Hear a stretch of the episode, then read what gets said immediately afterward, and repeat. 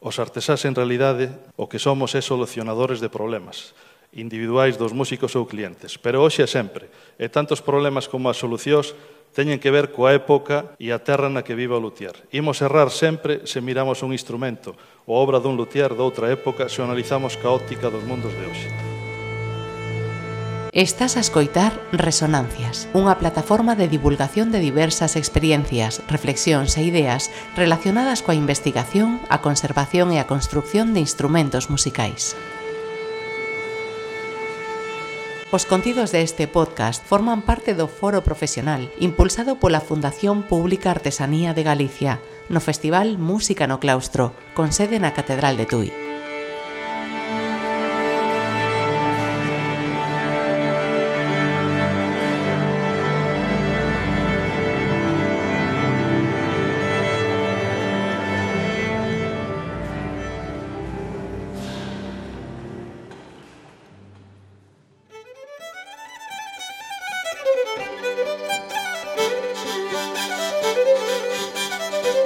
Os novos usos dos pandeiros, pandeiras e pandeiretas traen aparellados diversos problemas que hai que solucionar. A motivación do Obradoiro Saneco dende os seus inicios foi a mellora e innovación destes instrumentos tradicionais de percusión de man. Desde Outeiro de Rei traballa na investigación de novos sistemas de tensión e o emprego de parches sintéticos que permitan controlar a afinación.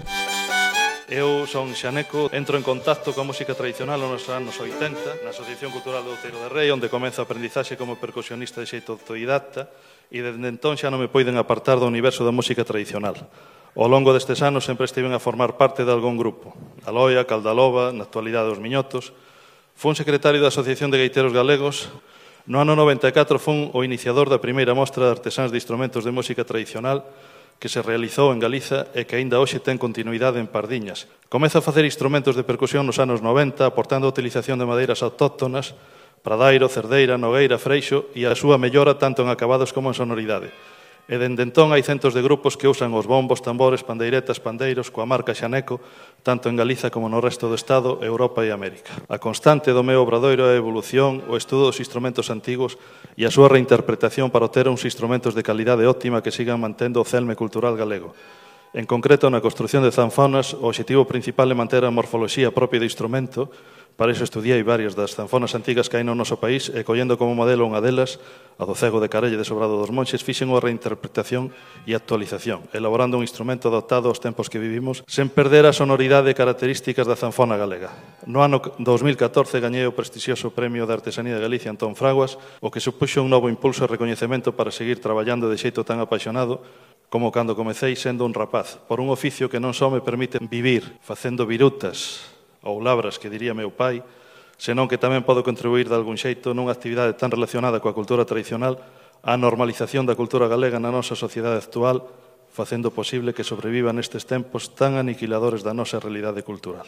Os artesás, en realidade, o que somos é solucionadores de problemas individuais dos músicos ou clientes, pero hoxe é sempre, e tantos problemas como as solucións teñen que ver coa época e a terra na que viva o luthier. Imos errar sempre se miramos un instrumento ou obra dun luthier doutra época se analizamos ca óptica dos mundos de hoxe. Os que nos dedicamos a facer instrumentos de música tradicional non podemos caer na simplificación de que os instrumentos antigos son malos instrumentos ou moi anticuados. Son instrumentos que se acaían aos tempos e ás necesidades da época. As percusións de man en Galiza chegan a nós grazas ás mulleres da aldea, que son as que mantiveron viva a nosa lírica popular, encargadas de montar bailes, seráns, Ruadas, pola Vilas e infinidade de nomes que hai a estas xuntanzas por todo o noso país. Xuntanzas que facían na súa mocidade, naquela Galiza rural precapitalista e de economía de subsistencia. Eran mulleres curtidas polo traballo da labor do campo. As pandeiretas que usaban tiñan moito volume nas ferreñas e petaban nelas canto podían. Polo tanto, cantaban con moita proxección na voz. Eran as necesidades do contexto no que usaban as pandeiretas. Pois a maior parte destas xuntanzas se facían en cortes, cortellos, en eirados, e, por suposto, non había sistemas de amplificación e, polo tanto, pois era non podían ser de outra maneira. Hoxe en día a sociedade é outra, de feito, eu escoitei a varios directores de agrupacións folclóricas alá nos anos 80, cando empezaba nesto, que cando finaran as mulleres de Imende ou as da Costa da Morte, que as pandereiteiras desaparecerían do país. Afortunadamente, equivocáronse e moito, e non foi así. Hoxe hai miles de rapazas e rapaces que tocan e cantan e manteñen viva esa nosa forma de cantar e tocar. Pero a sociedade cambiou moito, e polo tanto tamén o seu uso. O feito de haber investigacións e reproducións de instrumentos antigos, e cito a Pablo Carpintero porque de xusticia facelo, fixo que se comezasen a usar ferreñas con menos volumen e feitas ao xeito das pandereitas antiguas, recortando a chapa e, e plegándoa pois, con, con alicate ou, ou, ou dándolle golpes con martelo. O feito de que hoxe unha boa parte das actuacións sexan en escenario, tamén motivou buscar un parche que non variase cos cambios de humidade e temperatura, e así nace o parche Dorotea desenvolto por Tomás Axeitos do que logo describirei máis adiante.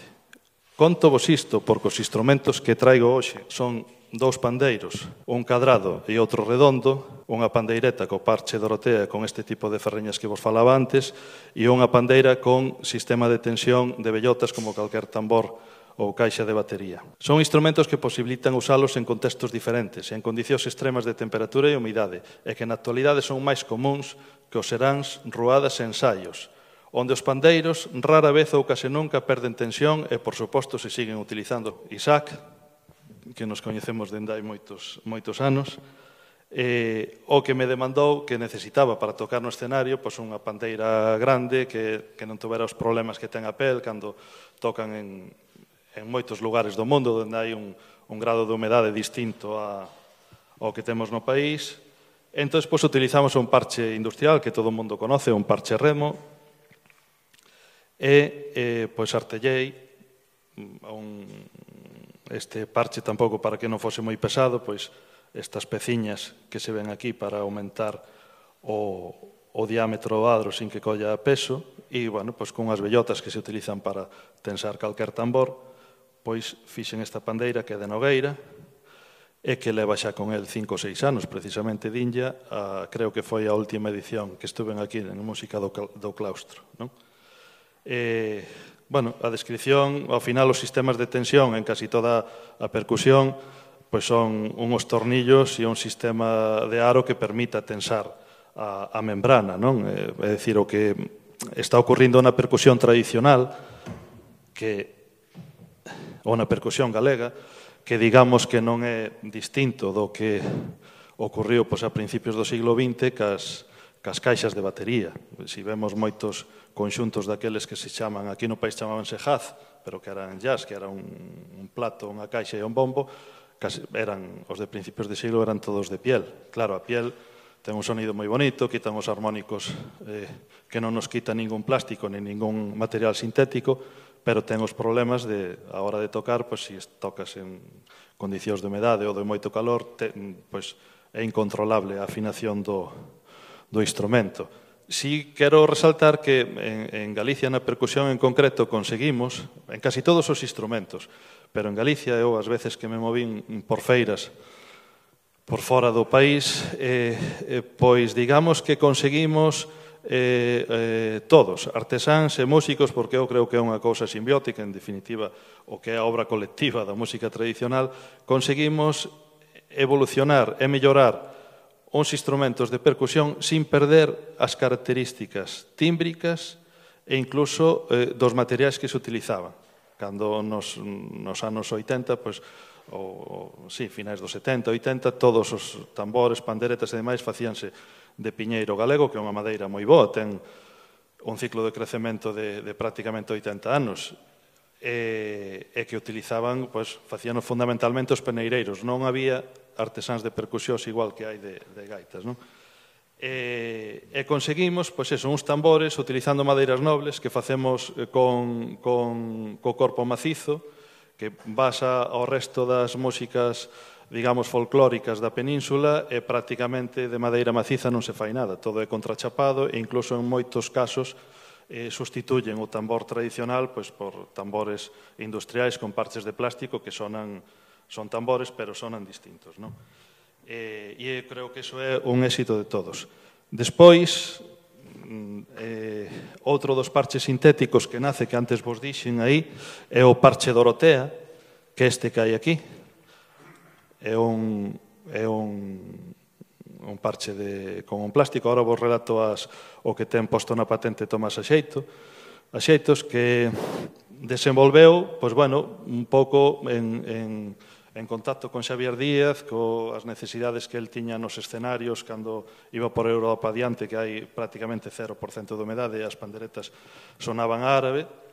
entonces pois conseguiu eh, facer este parche que ten un son moi similar ao, ao da pel, pero que evidentemente non ten os harmónicos, a riqueza de harmónicos que ten a pel, pero mm, si cumple a función, que este parche non se desafina, haxa calor, haxa humedad, haxa frío, sempre está prácticamente igual.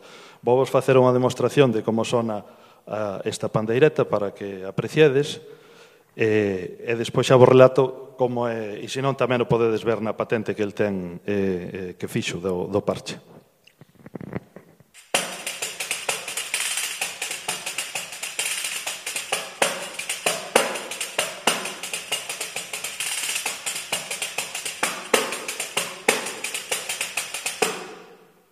vedes que sona moi seco, que é como nos gusta, é como lles gustaba a xente maior a, a percusión no, no, no noso país e, bueno, sona bastante parecido a como é a, a unha pandeireta de, de pel.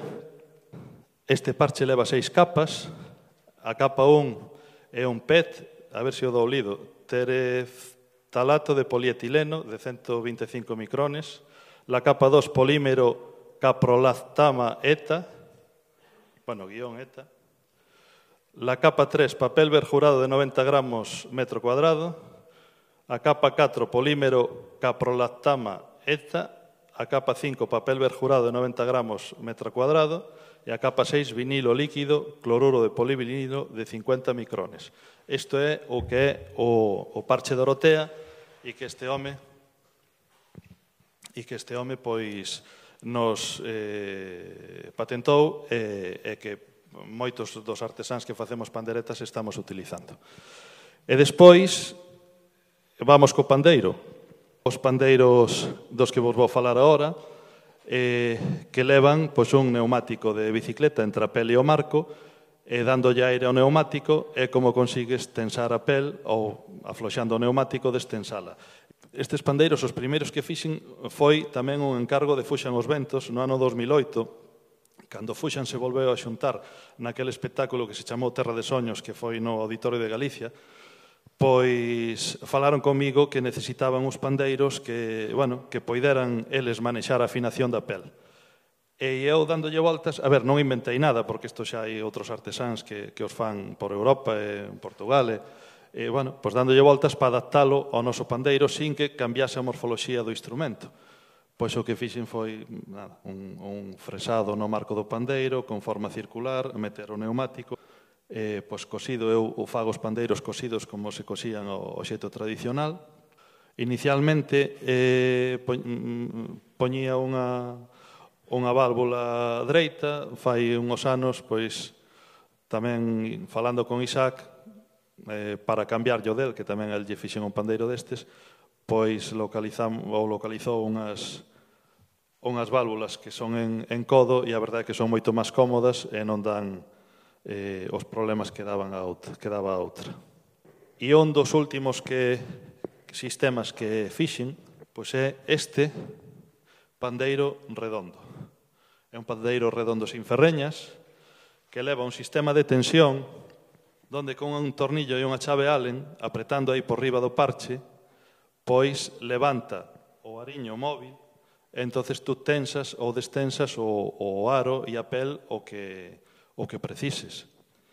Evidentemente, hai que ser consciente de que a pel é pel, é dicir, non vai ter a versatilidade que ten un plástico, porque a pel en, en condicións de humedad, pois, se a pel está húmeda, tú estás tensando, tensando e, e non consigues a, a mesma tensión que cando ten cando está sin humedade, non? Ou ao contrario, se está moi tensa, pois afloxas e afloxas, pero bueno, ten aí un marxen que si nos permite pois solucionar eses problemas que, que temos no, bueno, en situacións extremas. Este aro está completamente cerrado e aquí incrustelle unhas tuercas para que o tornillo vaya ben non? na madeira, non se mame, e ese é o sistema, se eu apreto, o aro levanta, se eu afloxo, o aro eh, eh, pois baixa para baixo. O pandeiro é unha reinterpretación, este pandeiro que hai abaixo é un pandeiro redondo, que son instrumentos pois que non hoxe non son moi comuns de tocar, pero este en concreto está no, no museo que hai no Centro de Artesanía do Taller de Instrumentos da Diputación de Lugo, que si tedes eh, ocasión ou pasades cerca de Lugo, paga vos a pena visitar porque hai unha colección moi importante e ali hai un taller bueno, pois pues que este ano cumple 70 anos do que Antonio Franco é o, o que está aquí con nós é o, o, o luthier que xestiona o taller e Luciano Pérez o, o museo e hai unha colección moi interesante de instrumentos para ver, además dos do pórtico de instrumentos tradicionais galegos. Este é un depósito que fixo Baldomero Iglesias que todo coñeceredes da Kenya de Fuxan os Ventos e eh, eh, bueno, compañeiro de Mini, Mini Emero, e el recolleullo o cego de, eh, de Romariz, en Romariz, en Abadín. Este cego fala del Lence Santar no, no cancioneiro de Galicia que ten e é un pandeiro pois de 31 centímetros con, con 4 centímetros e medio de alto e eu fixen pois, unha reproducción dese pandeiro eh, eh, con este sistema de tensión. Eh, foi encargado por Falla, unha filla de Moncho e Teresa de Fuxan, que canta maravillosamente unha promesa. Isto non dá para moito máis, eh, agardo que que vos eh, bueno, pues, transmitira algunha cousa nova eh, eh, moitas gracias